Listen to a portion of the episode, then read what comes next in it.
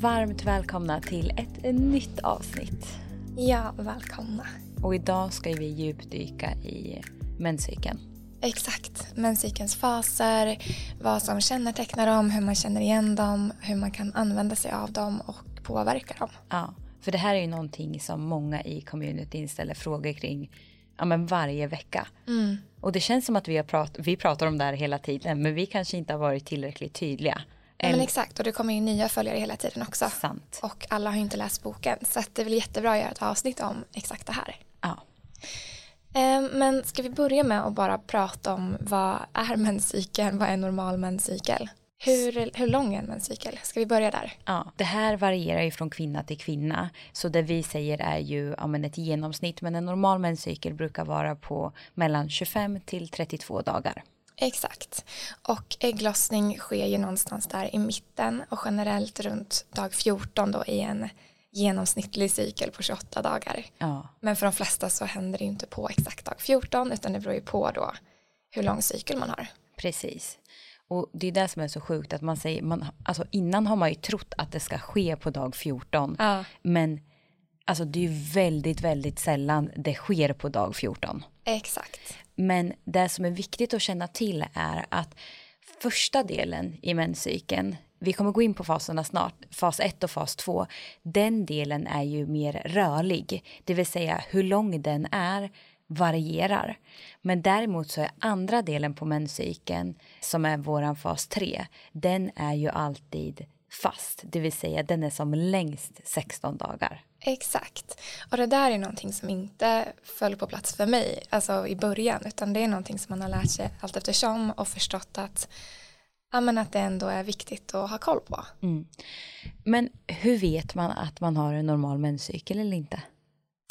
Um, ja, men dels så har man, för man börjar prata om mensen oftast, det är oftast mensen som är så det centrala i menscykeln. Men det är ju först och främst inte alls sant, utan det centrala är ju ägglossningen.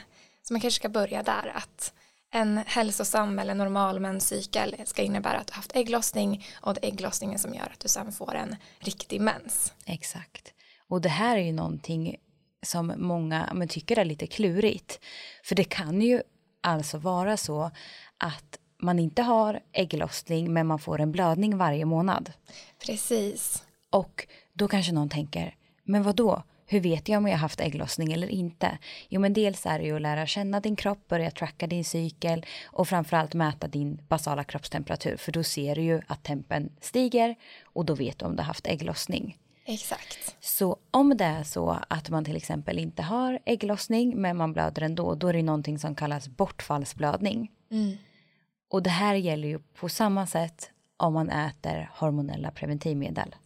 Precis, för att den blödningen som vi får när vi äter preventiv, preventivmedel den är en bortfallsblödning och alltså inte riktig mens. Nej. För riktig mens det har du bara om du har haft ägglossning. Ja, och preventivmedel stänger ju ner ägglossningen. Exakt. Så det är också att går man på något hormonellt preventivmedel, då går man ju inte in i de faserna som vi kommer att prata om idag. För att du har ju ingen ägglossning. Exakt. Så att ja, preventivmedlet stänger ner liksom signalerna från hjärnan som gör att dina hormoner skapas egentligen. Ehm, ja, så att faserna kommer du inte ha. Sen är det många som känner så här, men jag brukar känna av ja, PMS då inom cita- citationstecken innan mensen. Men äter du preventivmedel så är det egentligen en biverkning av preventivmedlet och inte liksom en, en hormonell förändring som är, sker naturligt. Nej, precis. Så det det är helt enkelt biv- biverkningar från det man äter. Mm, exakt. Då har vi lagt på plats vad som är riktig mens och vad som är bortfallsblödning och att det är egentligen ägglossningen som styr det. Ja, det är huvudeventet i menscykeln. Exakt. Och har du inte ägglossning på grund av att du äter pre- preventivmedel eller att du helt enkelt inte haft det naturligt så får du en bortfallsblödning. Ja, och det är ju så här, men för det har ju vi pratat om med dig, att till exempel jag trackar ju min cykel och tar kroppstemperatur för att för mig har det varit viktigt i min resa att förstå att jag har haft ägglossning. Och sen kan man ju se det med fertilt sekret och hela den biten, men när man kommer från en bakgrund som mig eller att man har en oregelbunden menscykel, då blir det också svårare att känna igen de här signalerna. Men du tar ju till exempel inte temp. Nej exakt, så jag trackar bara genom att eh, skriva ner symptom under månaden om jag upplever några eh, när jag har fertil sekret och eh, när jag har mens. Mm. Men i och med att jag har en väldigt regelbunden menscykel så brukar de här liksom, tecknen var väldigt lika från månad till månad. Mm, och du är väldigt in tune med din kropp och du har i många, många år kunnat tracka det här. Precis. Så, så kommer man från en resa med oregelbunden mens eller och egentligen oregelbunden ägglossning då. Ja. Eh, Ska vi vara så, korrekta? jajamän.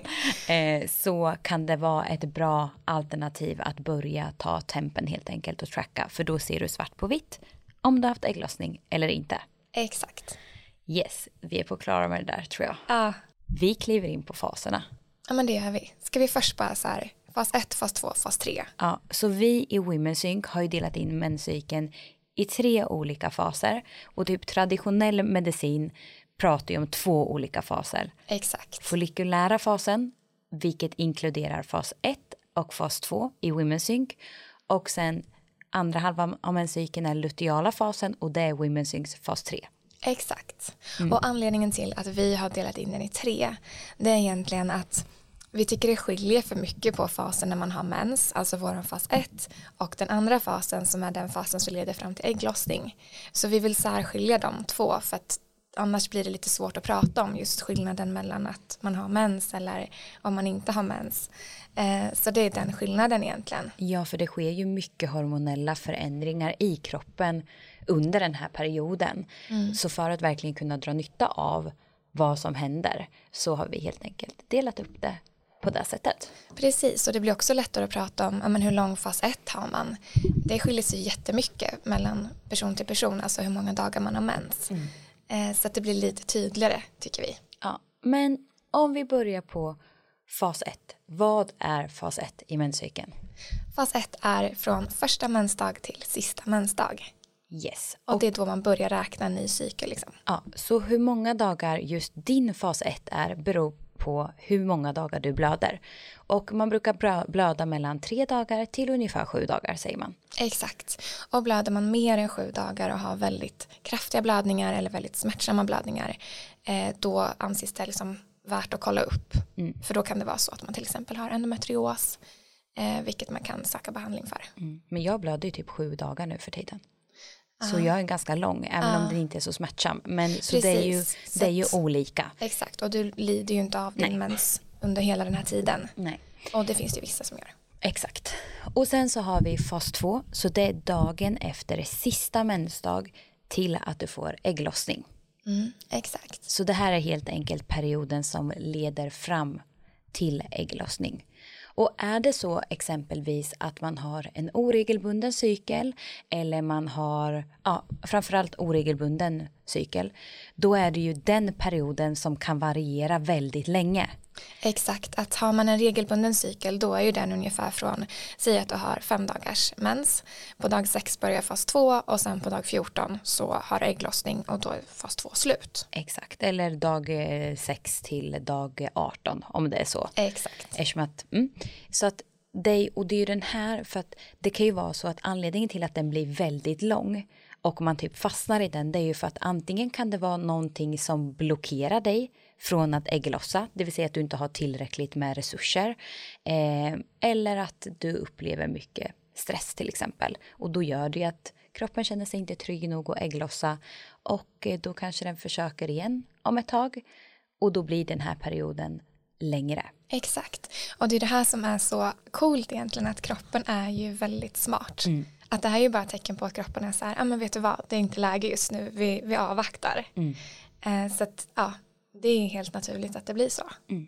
Så fas 1 och fas 2, första halvan av menscykeln och den varierar i längd. Mm. Så Precis. den kan ju vara från liksom, jag vet inte vad man ska säga minimum, men säg kanske 12 dagar eller 10 dagar och upp till jättejättemånga dagar ja. om det är så att man inte ägglossar. Exakt. Mm. Så precis, så det är det här som gör om du får en 28 dagars cykel eller 48 dagar eller längre. Precis. Mm. För sen äntrar vi ju efter ägglossning, då kommer vi in i fas 3. Exakt. Och vad exakt är fas 3? Så det är alltså fasen från dagen efter ägglossning fram till nästa mens. Så man vet att fas 3 är liksom fasen som leder upp till mensen. Mm. Och den här fasen är alltid som längst 16 dagar. Mm. För det 16 dagar då är man med största sannolikhet gravid. Exakt. Så det här är ju också ett kraftfullt verktyg att ja, men, fånga upp en tidig graviditet. Alltså, det, är ju så här, när, det var ju så jag visste. När det hade gått mer än 16 dagar och jag inte hade fått min mens då var det så här, yes, jag är gravid. Mm. Men det var ju också för att jag då hade koll på min ägglossning. Precis, så du visste ju väldigt ovanligt tidigt, måste man ju säga. Mm. Men så när man börjar tracka sin cykel då kommer man också kunna veta dels om man, om man är gravid eller inte men man får ju också, oj min mens borde komma de här dagarna. Exakt. Så även om det är så att ena cykeln skulle vara 40 dagar för att det har tagit längre tid att ägglossa så är, kan det ändå vara väldigt kraftfullt att ta tempen för att då har du ju koll på din ägglossning. Så dels vet du att du har haft ägglossning men du kan också förutspå på ett ungefär när din mens kommer komma. Mm, verkligen. Och det här var någonting som jag upplevde för första gången den här förra cykeln som jag hade en väldigt lång cykel. Men då trodde jag att jag ägglossade på dag 25. För då hade Vi jag... satt ju och räknade det här Exakt. tillsammans. Mm. Ja, och då hade jag fertilt sekret, alltså så ett väldigt tecken då på ägglossning. Men då skulle jag ju haft ja, mensen lite tidigare än vad den kom. Mm. Så ty- troligtvis så var ju det liksom början på att ägglossningen var på gång då när jag upplevde Mm. sekretet. Och det här blir ju väldigt viktigt. Det är ju därför inte är 100% safe att bara ha Exakt. fertilt sekret. För fertilt sekret kan också komma, det kan ju vara så att kroppen försöker ägglossa. För det fertila sekretet är ju kopplat till östrogenet att det ökar. Och det ökar ju och når sin topp innan ägglossning.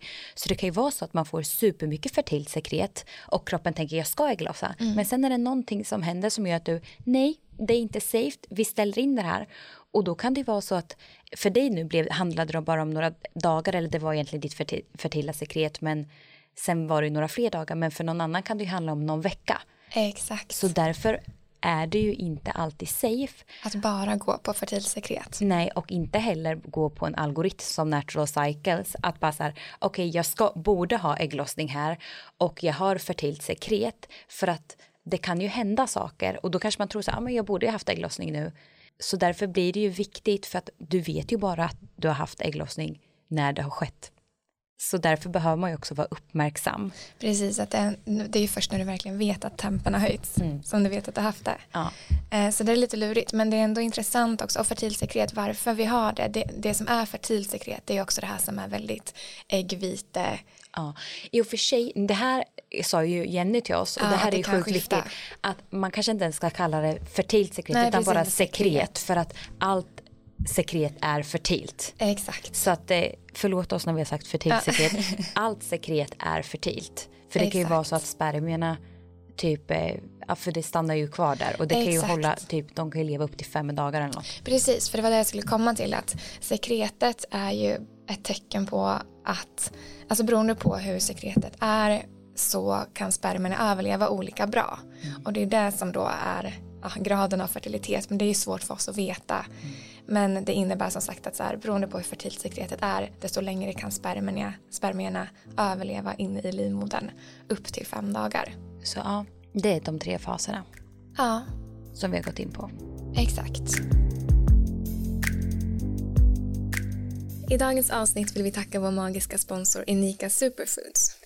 Ja, vi är så glada för det här samarbetet och för er som aldrig har talat om Inika så är det ett nytt svenskt holistiskt brand som precis som Women's Inc är grundat av kvinnor. Mm. Och anledningen till att vi älskar Unika är ju för att deras produkter är gjorda på naturliga ingredienser och att de är helt fria från tillsatser. Mm, det här är så viktigt för oss. Och vi satt ju precis och tog en kopp chica roast och en bar. Och då kom ju vi in på det här att vi har ju under ja, men ganska många år pratat om att vi längtat efter en bar som innehåller bra saker. Verkligen. För ibland är det ju så att man bara vill ha någonting snabbt och enkelt. Och det har ju verkligen inte varit lätt att hitta ett bra alternativ som har bra innehåll. Nej, alltså det har typ inte funnits innan. Nej. Och Inika har tre smaker på sina bars. Så om du älskar kokos och choklad så kommer du älska deras coconut chocolate bar som bland annat innehåller kokos, kakao, MCT-olja och cikoria.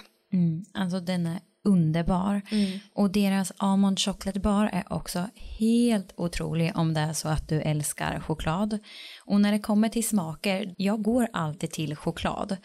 Jag skulle säga att den här är perfekt för mig när jag kan få ett sötsug i fas 3. Mm, oslagbar. och den tredje smaken är Blueberry Cashew. Och jag brukar egentligen inte vara så jättemycket för bär och frukt i bars. Men den här är verkligen supergod. Och det är underbart att få i sig lite extra antioxidanter i kombination med cashewnötter. Mm. Och jag skulle säga att den här smaken är ju den typiska fas 2-baren när man inte är lika sugen på sött eller något chokladigt som man kanske är i början av fas 1 eller i fas 3. Mm, verkligen sant. Och utöver bars så har de också flera andra produkter så kolla in deras sortiment på deras Instagram eller hemsida och uppge koden WomenSync20 med stora bokstäver så får du 20% på ett helt köp. Mm. Tack Inika Superfoods för ett underbart samarbete. Tack. Men ska vi prata om då vad som händer rent hormonellt i faserna? Att under fas 1 när vi har mens, då har vi som lägst hormonnivåer av både östrogen och progesteron och mm. testosteron. Mm. Och det är det här som gör att ja, men första dag, dagarna på mensen, eller egentligen på en ny cykel, så den dagen du får mens, det är alltså första dagen på en ny cykel. Och det här brukar vi associera lite med nystart. Mm. Men det är inte konstigt att man kanske upplever sig, ja men man har en ökad trötthet eller så med tanke på att våra hormoner är som lägst. Precis, och kroppen håller ju på att processa ut liksom livmoderslemhinnan som blir mensen. Så det händer mycket där första dagarna. Ja. Vi brukar tänka att den här fasen är, men det kännetecknar ju verkligen nystart. Och alltså jag känner det så mycket själv att men i takt med att mensen avtar då blir det ju också att man får en ökad energi, energi både emotionellt, fysiskt. Ja. ja. ja, jag håller med. Verkligen. Så, så verkligen nystart. Och det här kan ju vara speciellt om man har haft en fas 3 där man har känt av lite PMS. Då kan ju det verkligen bli som en extremt tydlig vändning där i början på mensen när man verkligen känner hur den här energin kommer tillbaka. Mm. Så, så här, det här är fasen som man kan använda för implementera typ nya vanor. Mm, verkligen. Eh, men i början på fasen brukar jag så här, ge dig själv lite space att få vila, återhämta dig. Eh, det är inte farligt att röra på sig, det kan man absolut göra. Och i takt med att mensen avtar, alltså använd den här energin på olika sätt. Exakt. Mm. Men som sagt, men tillåt dig också att vara trött i början. Mm. Det är helt naturligt. Mm, för det sker så mycket grejer i kroppen. Mm. Är det något annat vi tänker i fas 1 som kan vara bra att känna till? Nej, men jag tror som du säger det här med nystart på olika sätt och att det kan komma till uttryck i ja, men både så i jobbet eller att planera saker eller vad det nu kan vara just att implementera nya vanor. Mm. Och det kan jag också känna för att ett av mina symptom ibland kan ju vara att i fas 3 att man upplever ja, men ökad hunger eh, att typ, alltså mer så här, kanske lite fysiska symptom. Och det blir ju verkligen ett sånt skifte i fas 1 då att ja, men jag upplever inte alls samma hunger på samma sätt. Jag, om jag typ eh, fasen innan kanske har upplevt mer sug mot typ så här fett, choklad, sött så upplever jag inte alls på samma sätt den här fasen. Verkligen, samma här. Mm. Att då blir man helt plötsligt mer sugen på lättare mat och lite mer så här kallt och typ fruktigt. Mm. Medan i fas 3 då är det liksom ja, med choklad och varma saker och Ja. Mm. Men det är det som är så himla häftigt också när man börjar jobba med det. Att så här, ja, men det är väl hur nice som helst att variera sin kost. För att, här, och att göra det när man känner behovet. Att mm. så här, mm bara typ lyssna in vad är det jag är sugen på och att faktiskt lyssna på den informationen för det är ju signaler från kroppen. Precis, att det är ju verkligen så här ett tecken på att det kanske är någonting din kropp vill ha. Mm. Men många av oss har ju verkligen blivit så vana vid att inte lyssna på de här signalerna utan det är så här, ja men man tänker att man ska vara sugen på vissa saker eller att man inte ska äta vissa saker utan så här att släppa det och bara lyssna inåt. Mm. Och sen då fas 2. Mm. Fas 2 är ju egentligen en fortsättning på det vi pratade om i fas 1 när våra hormoner börjar öka igen och det innebär att energin ökar ännu mer för det hormon som ökar mest är östrogenet och det är liksom det hormonet som ger oss så tillväxt på olika sätt kan man säga. Mm. Alltså så här, det boostar liksom självförtroende, det boostar juiciness mm. och eh, ja, men alla de här härliga ja, härlighet. Liksom. Ja. Samtidigt så, alltså för mycket östrogen är ju inte heller bra utan det kan göra att man blir stissig, man blir typ eh, manisk på olika sätt. Mm. Eh, men det vi brukar liksom, när vi tänker fast två då är det ju mycket så här Östrogenet kommer nå sin topp när den når ägglossning. Så biologiskt sett är vår kropp programmerad till att okej, okay, jag ska skaffa barn. Exakt, och det är i kombination med att testosteronet pikar Exakt. precis vid ägglossning. Ja, så det gör ju också att man blir eller i alla fall jag upplever att jag ofta känner mig mycket mer, ja men ett behov av att vara social, utåtgående. Jag söker närhet med min partner på ett annat sätt. Det är mer så här, nu kör vi liksom. Yeah. Ja, men man känner det ju väldigt starkt. Verkligen. Men också att man på ett sätt känner sig mer inte fräsch, men förstår ni vad jag menar? Ja, men När den här, säger, liksom så självsäkerheten ja. på något sätt. Att man känner, ja. Ja, och det är ju också kopplat som du säger till till exempel östrogenet, att man kan känna typ lyster, alltså hud, hår. Är det så att man har väldigt lågt östrogen som jag hade back in the days, då är det ju så här hud, hår, inte juicy alls. Men mm, typ, att det är torrare liksom. Exakt. Ja. Så det blir ju verkligen ja, men fukt och nice mm. och ja men alltså verkligen. Mm. Så det här är ju en perfekt fas att Våga gå utanför din comfort zone, eh, socialisera med människor.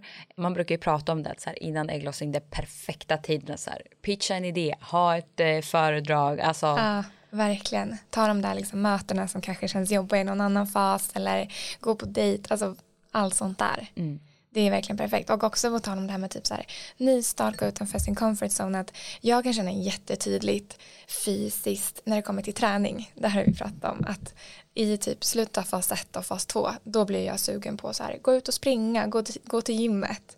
Medans alltså det kanske inte är någonting jag är så sugen på alltid annars. Men jag kan verkligen känna att så här, shit nu ska jag börja, nu ska jag börja liksom springa varje dag typ och så, så gör jag inte det men jag tänker det.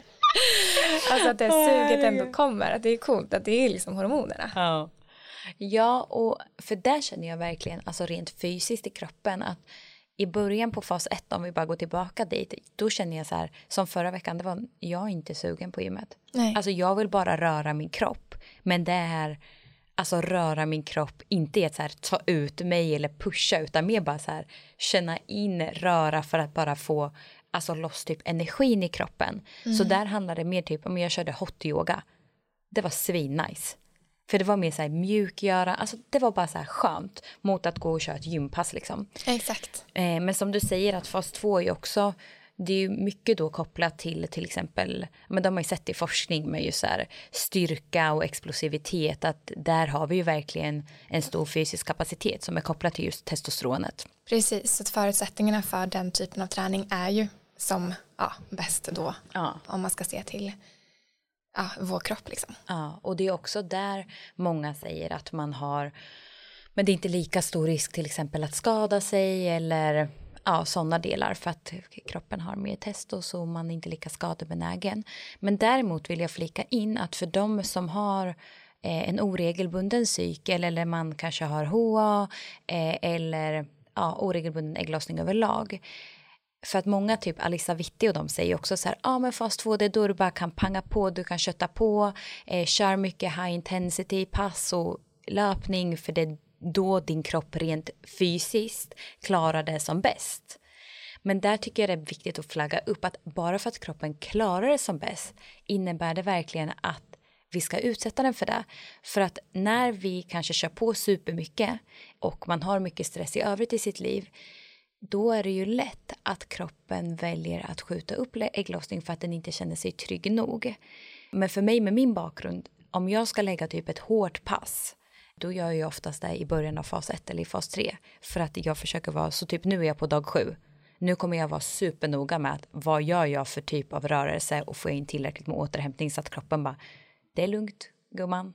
Precis, så att den vill ägglossa. Ja, så det tycker jag ändå är en så här viktig heads up. Mm, verkligen. även om kroppen är kapabel till det här och det kanske känns väldigt bra för jag kan ju tänka mig att många som lyssnar är lite som oss också. Man bara, nu kör vi, alltså så. Och att mer då kanske ta ett steg tillbaka också ibland och bara men vad mår min kropp och jag bra av utifrån den platsen jag är på just nu. Precis, att bara som sagt det är ju liksom forskningen visar ju på liksom generella drag, det är inte utifrån person till person utan man måste verkligen lyssna in sin egen kropp här för att ja, det är mm. inte, man kan inte bara ta råd rakt av utan man måste applicera det på sig själv. Men verkligen också det här med att vi, ja men biologiskt sett så är det enklare för oss att kanske göra fler saker för att vi också, det, vi har högre nivåer av våra hormoner och det är det som är så himla kraftfullt att våra hormoner styr ju hur vi mår, hur vi känner oss, hur vår kropp känns men också vilka typ av val vi gör. Mm. Vilken typ av, för det läste jag typ någon forskning eller i någon bok kring att så här, vilken typ av partner vi dras till kan skilja åt beroende på vart vi är i cykeln typ. Mm. Nej men det är så... Ja men det är så kraftfullt. Ja. Verkligen. Så det är ändå ja, men viktigt att ha i åtanke. Mm. Så att sammanfatta fas två. Mm. Det är egentligen den fasen vi har som liksom högst när det kommer till östrogen och testosteron och det innebär att vi känner oss som starkast, eh, snyggast, härligast, socialast. Eh, vilket man kan ta vara på mm. på olika sätt. Men det kan ju också slå över som du var inne på tidigare att har man inte riktigt balans i det här eller utsätter kroppen för väldigt mycket stress och kanske för lite återhämtning under den här fasen så kan ju den här liksom höga energin eller vad man ska kalla det slå över till ännu mer stresskänslor. Mm. Och en sak jag har funderat ganska mycket på just det här med att de är vi som kvinnor cykliska och det, det känns också som att många associerar att man du vet för i det här samhället då är det också att man värdesätter just alltså prestation och att göra och att man vill känna sig på ett visst sätt. Eh, och just att det inte heller får bli att man bara värdesätter fas 2 för att det också är connectat till de saker som i samhället ses som liksom värdefullt. Mm, det maskulina. Exakt. Och, och det är där man har vuxit upp i. Så jag kommer ihåg, alltså förr i tiden tänkte jag alltid så här, ja men det, jag vill ju vara mer i fas 2 för att det är ju, jag älskar ju mig själv när jag är här. Ja, man är glad, man har självförtroende, man kan boka in massa saker, man känner sig stark. Men också att så börja värdesätta de andra faserna. Verkligen. Så jag tycker vi går in på fas 3 nu och bara så här, okej, okay, vad, vad kännetecknar det och hur kan jag dra nytta av det? Exakt, värdena i fas 3. För jag skulle säga att det är lite mer det feminina. Mm, exakt. Ja men det är ju som sagt då efter ägglossning så går vi in i fas 3 och eh, då sjunker först östrogenet för att sen höjas och progesteronet höjs under hela den här fasen. Mm. Och det är de här man vill ha balans emellan. Mm. Och när de är i balans så är egentligen fas 3 en förlängning på fas 2. Att så här, ja, man mår bra. alltså med kort sagt liksom. Ja, och det är ju så här vi ska må. Exakt, att så här, vi ska ju vara i balans och, och må bra hela fas 3 egentligen. Ja. Men om man i kanske fas 2 har varit lite mer ja, men utåtgående, mer tillväxt, juicy, då kommer fas 3 bli mer lite balanserande för det som är progesteronets effekter är ju att det är mer avslappnande. Mm, avslappnande, lugnande. Exakt. Så det är ju så här, har man en bra fas 3 då är det ju mer att man kanske blir mer chill, avslappnad. Mjuk, lugn. Ja, så att det är också så här, det är ju verkligen så fint men det är ju att så många har utmaningar och inte är balanserade vilket gör den här fas 3 kanske har fått ett dåligt rykte. Precis. Kan man säga. Ja. Speciellt då slutet av fas 3. Mm. Då man kan, eller egentligen vissa upplever ju PMS-symptom i början av fas 3 och vissa i slutet. Så det beror ju på. Ja och det skift, den här fasen skiftar ju hormonerna som mest. Exakt och det är därför man kan uppleva då PMS-symptom på olika delar av fasen. Precis. Att det inte är samma för alla. Mm.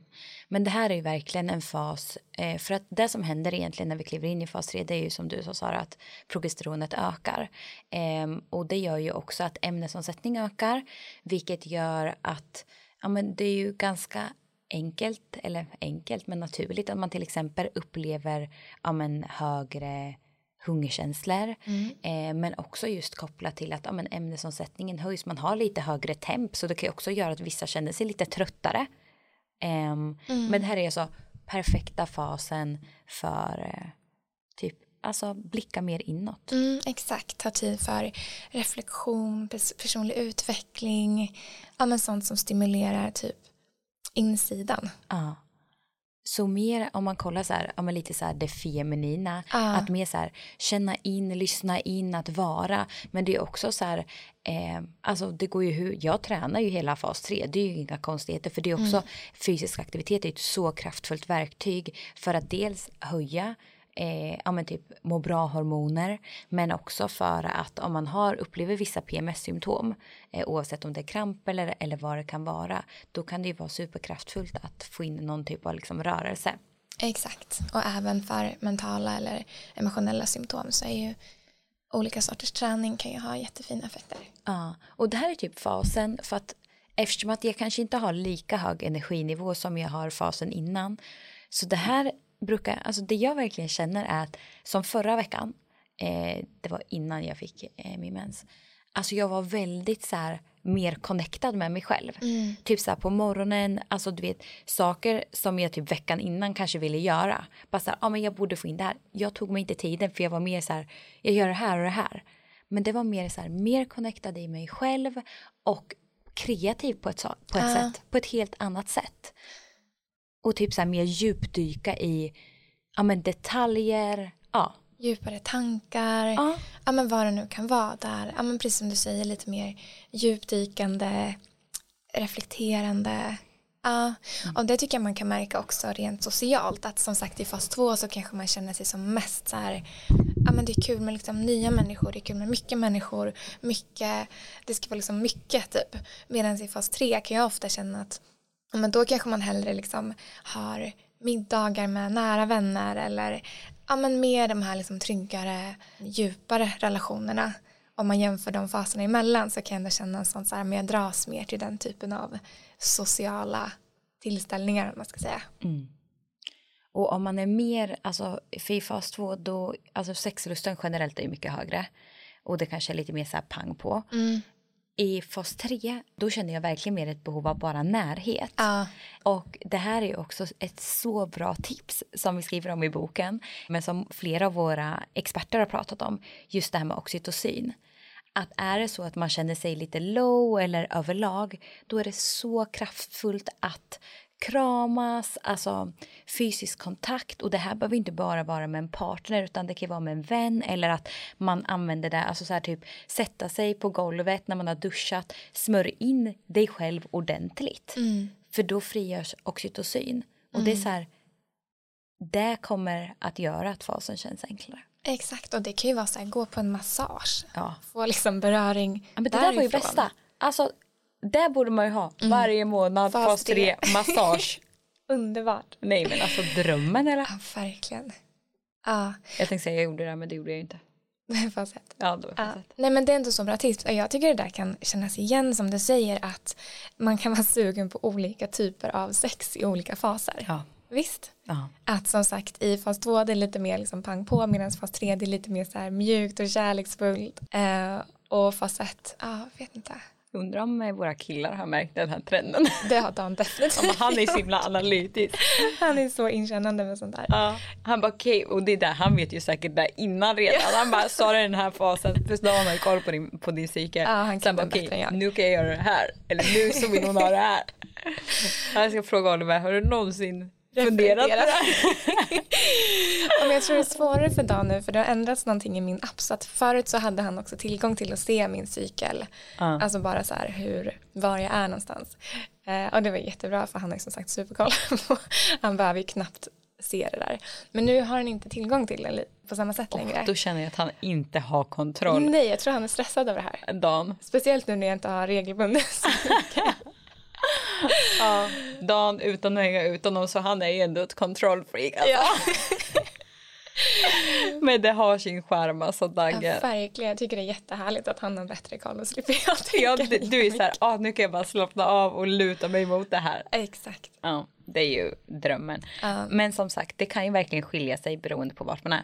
Och en sak som är för mig i fas 3 och det här kan ju också vara lite connectat till att jag också varit lite obalanserad. Eh, för annars märker man inte av det. Men dels ökad hunger, men det är ju naturligt. Men sen kan jag känna det här just så här. Kakao, hallå? Ja.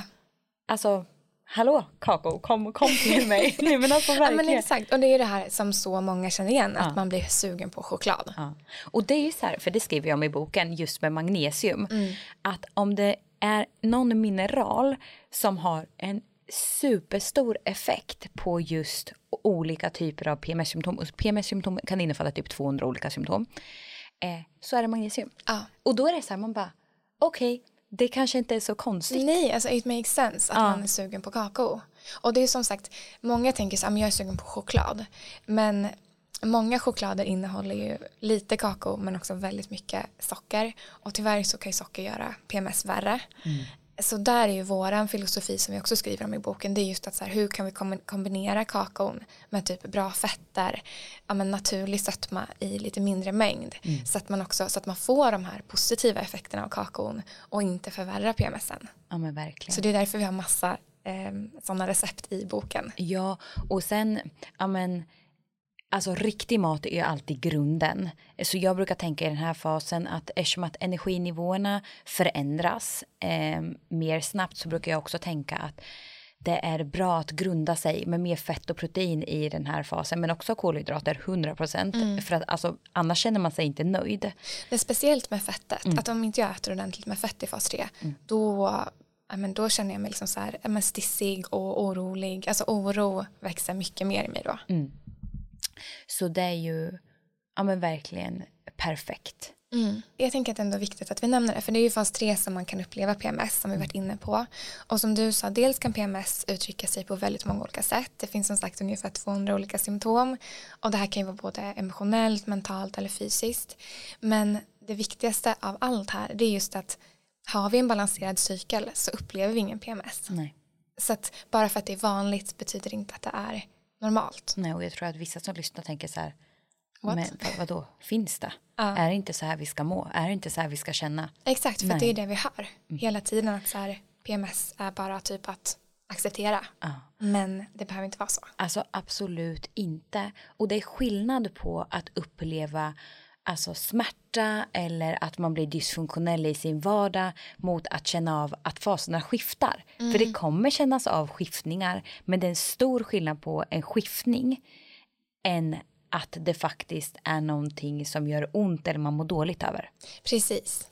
Exakt. För vi är ju cykliska så vi kommer känna av skiftningar. Exakt, och det kommer skilja sig från månad till månad eller cykel till cykel.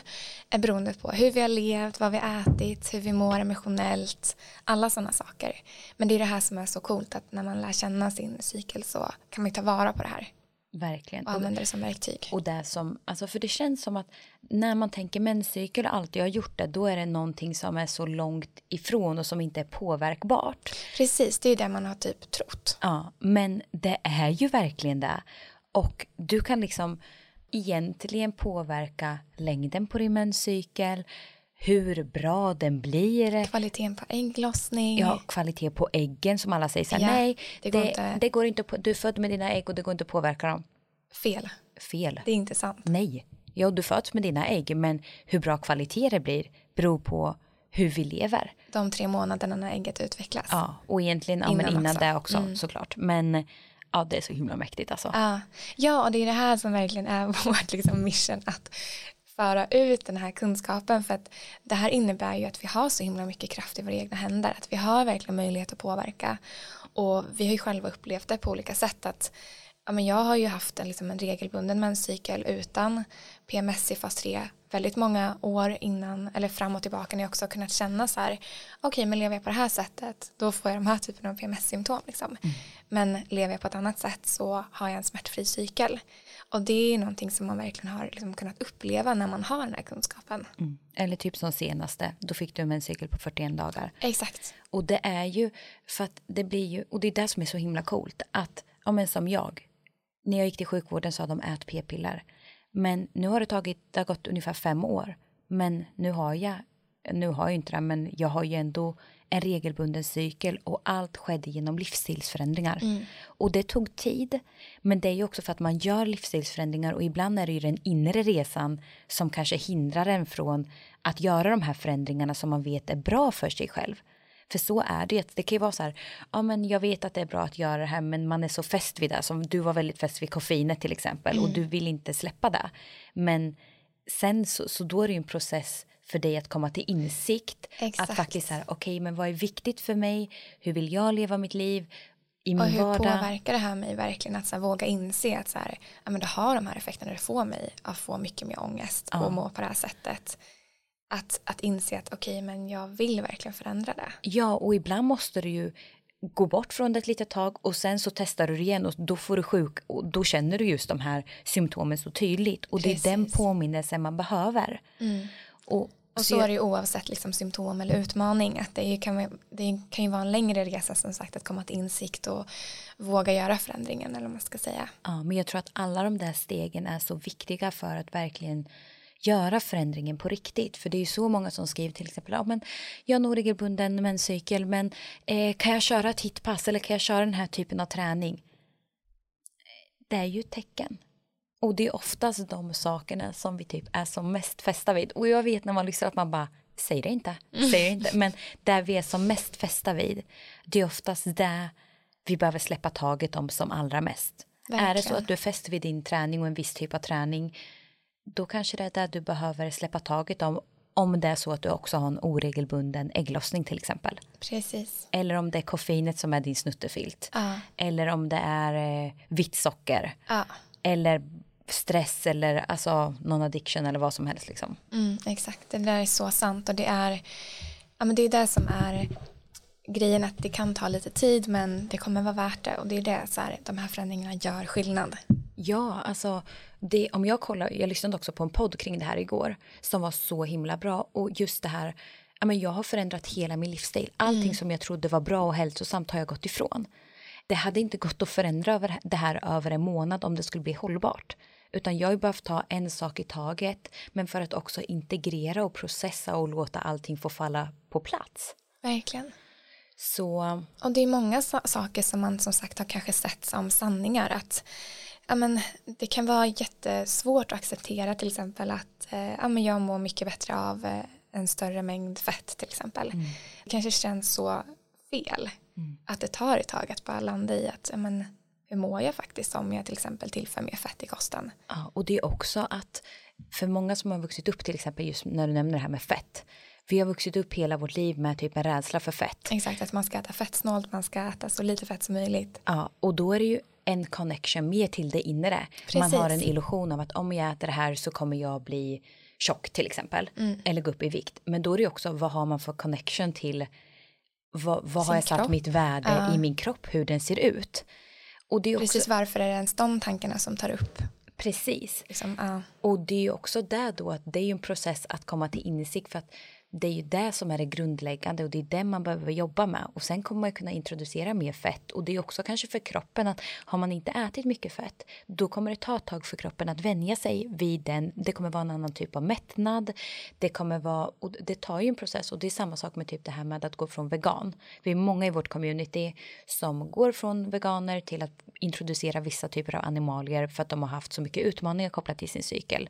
Och, mm. det här... och där kan just animalier vara värdefullt för ja, men... att man får i sig vissa ja, viss näring som är svår att få i sig annars. Ja, och det är också att den formen, alltså mm. biotillgängligheten i animalier är enklare för kroppen att ta upp än just växter. Och du jag började introducera det. Jag bara, det känns så konstigt i min kropp. Det här är ingen nice mättnad. Men nu när jag inte äter det och bara typ som på Sri Lanka när vi åt typ så här veganskt någon gång, jag bara, Nej, det, det är dels att typ, jag hade ju väldigt mycket problem med magen typ så IBS-symptom. Mm. Det är helt borta nu men när jag ibland äter veganskt kan det bli så här, åh herregud vad ja. händer? Exakt. Så det, är ju... så det är också att man kan ju ha vant sig vid att så här är min kropp nu. Mm. Och sen när man introducerar något annat blir det jättekonstigt först innan man har så här landat i det och kan uppleva fördelarna. Verkligen. Mm. Så, ja, så det, det är ändå något viktigt att ta med sig att det här, alltså just livsstil är någonting som vi kan använda för att påverka vår cykel. Ehm, men också det här med alltså att livsstilsförändringar kan ta tid. Precis. Att det ger, alltså för att det ska ge effekt på menscykeln. Ja, och det här, alltså, vi skriver jättemycket om det här i boken så att det kan vi verkligen tipsa om att tycker ni att det här är intressant och vill veta mer så läs boken så att ni får en helhetsuppfattning och där finns en massa med verktyg och ja, men en ännu större liksom, ett grepp verkligen också om hela livsstilen men också speciellt om kost. Mm. Men om man bara så här, för de som lyssnar nu kanske bara, men jag vill veta nu. Ja. Eh, för att där det egentligen handlar om hur påverkar jag min menscykel och framförallt ägglossning för där det handlar om att vi vill ha ägglossning. Mm.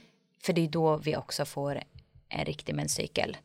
Då är det ju just det här med att dels minska stress. Precis, alltså stress är den typ största faktorn för att stress kan ju också vara i form av att man inte får tillräckligt med näring eller återhämtning. Så att stress i alla former mm. Minskar det. Ja, och det är som du sa, det kan ju vara typ koffein kan bli en stress, det kan vara inre tankar om sig själv, det kan vara att man eh, dödsfall, eh, resor, eh, överträning, you name it liksom. Mm, allt det blir en stress på kroppen egentligen. Ja. Eller kan bli. Och sen är det ju alltså verkligen viktigt just det här med att äta tillräckligt. Det känns som att typ vi kvinnor idag äter generellt väldigt lite. Precis. Så, um, så ja, att, det är så viktigt. Ja, så att fylla på med ordentligt med fetter, då det är byggstenarna för att kunna skapa våra hormoner. Um, så ja, ät tillräckligt. Mm. Och sen ät tillräckligt med näringsrik mat. Mm. Alltså se till att man får i sig ordentligt med näring för att även om man äter ja, men tillräckligt då i mängd eller man ska säga så äter vi för näringsfattigt så får inte kroppen tillräckligt med byggstenar. Nej. Eh, och där är det också så här, för då kanske ni tänker, ja men hur äter ni då? Ska, vem, vem orkar äta bara bra saker? Och det är så här, Ja, vi brukar ha filosofin 80-20. För det är ändå så här. Jag... Och sen lever vi inte alltid upp till det. Nej. tillägga. Nej. men det... det beror på också. Precis, men det är riktlinjen liksom. Ja, och det är också för att så här, jag mår så bra när jag äter bra mat. Alltså det är så här, det är livet. Mm. Och jag älskar också den typen av mat och det går att göra så himla många bra saker. Men det finns också plats för andra saker. Exakt, och det är därför vi också har tagit fram bra recept på fika och den typen av liksom goda snacks och sånt för att det är klart att det ska finnas utrymme för det. Mm. Men i kombination med att vi får i oss liksom en grund som består av bra protein, fett, kolhydrater. Ja. Som verkligen ger kroppen där den behöver. Ja, så ät sånt du älskar också. Det finns plats för det. Eh, verkligen. 100 procent. Och sen bara om man tänker ägglossning och typ vad man bara så här jag vill ha ägglossning eller en regelbunden och stark ägglossning, jag vill förbättra min menscykel, då är ju verkligen det här med blodsocker Ja men verkligen. Key. Och den punkten är ju lite komplex kan man tycka. För att alla har ju hört att så här, det är viktigt med ett stabilt blodsocker. Men det är lätt, lättare sagt än gjort. Men det det egentligen handlar om, som vi brukar prata om, det är att försöka börja dagen med ett stabilt blodsocker. Mm. Och där kommer man väldigt långt. Och hur, om man startar dagen med ett stabilt blodsocker, hur? Yes, ja, men det innebär egentligen att börja dagen med mycket protein och fett. För det gör att hormonerna håller sig balanserade och att du håller dig mätt. Mm. Så att istället för att till exempel snabba kolhydrater som gör att ja, men då börjar blodsockret svaja redan på morgonen. Mm. Så man kan ju absolut äta kolhydrater men lägg fokus på fett och protein. Exakt. För då får du verkligen en grym start och du signalerar till kroppen hej du är trygg vi kommer ha en bra dag här tillsammans. Ja. Exakt. eh, Ja, men ja. det är egentligen livsstilsmässigt hur man kan påverka psyken. Exakt, och det här också i boken så delar vi upp livsstil i fyra olika delar. Och då är det näring, återhämtning, träning och eh, miljö. Mm. Eh, så det är också, vi kan ju inte toucha liksom på miljön men det handlar ju också om ja, men vad du omger dig med för typer av liksom energi och eh, med miljö rent fysiskt. Men också vad du har på kroppen. Alltså använder du väldigt mycket parfymer, krämer, saker som kan påverka dina neg eh, hormoner negativt. För att vi, vårt hormonsystem är väldigt känsligt för kemikalier. Mm. VS i år, det här är någonting vi kommer djupdyka i för att ah. vi har ju satt oss in i det här nu. Och herregud. Ja, herregud vilken påverkan det har. Ja, alltså nej, det är helt sjukt. Uh. Och hur mycket, tänk att så här, huden är en största organ. Mm. och man applicerar så mycket på den som går direkt in i blodomloppet. Uh. Som påverkar. Så det är också ett så här kraftfullt eh, verktyg att eliminera gifter och toxiner. För det är så här, när kroppen får i sig gifter eller toxiner antingen via maten du äter eller via vad du applicerar på huden. Mm, så, eller vad du andas in. Ja, då kommer ju kroppen välja att prioritera det. Att hantera det. Ja, före våra hormoner och vår, rep, vår re, reproduktionssystem. ja, jo, men för det är, så här, det är inte vitalt för överlevnad. Nej, men, exakt. men för livskvalitet. Först måste vi ta bort alla gifterna. Alltså All kroppen måste ju hantera det. Mm. Och även om det är då genom liksom avgaser eller eh, att det är liksom dofter i luften som vi andas in eller att det är krämer på huden. Som man så, tycker luktar skitgott ja, och som man älskar men, men som bara som inte alltid är toppen. Mm. Men wait and see. Ja, Här det är kommer så det saker med Ja. VS framöver. verkligen, verkligen.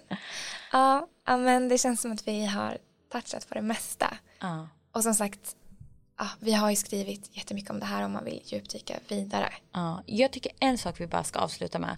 Att de som lyssnar nu och som bara så här, ja, men tänker kring menscykeln, livsstil. ehm, är det så att du har gjort förändringar så kan det ta upp till tre månader innan man faktiskt märker skillnad på dem. På Exakt. cykeln. För det tar ju tre månader för ett ägg att mogna. Precis. Så ha tålamod. Ja. Låt det gå åtminstone tre månader. Ja, verkligen. Ja. Magiskt. Vi ses nästa vecka igen. Det gör vi. Hej då.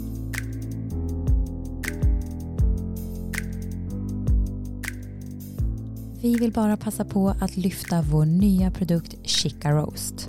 Ja, det här är en så efterlängtad produkt för alla oss som vill minska på vårt koffeinintag och har letat efter ett alternativ till kaffe.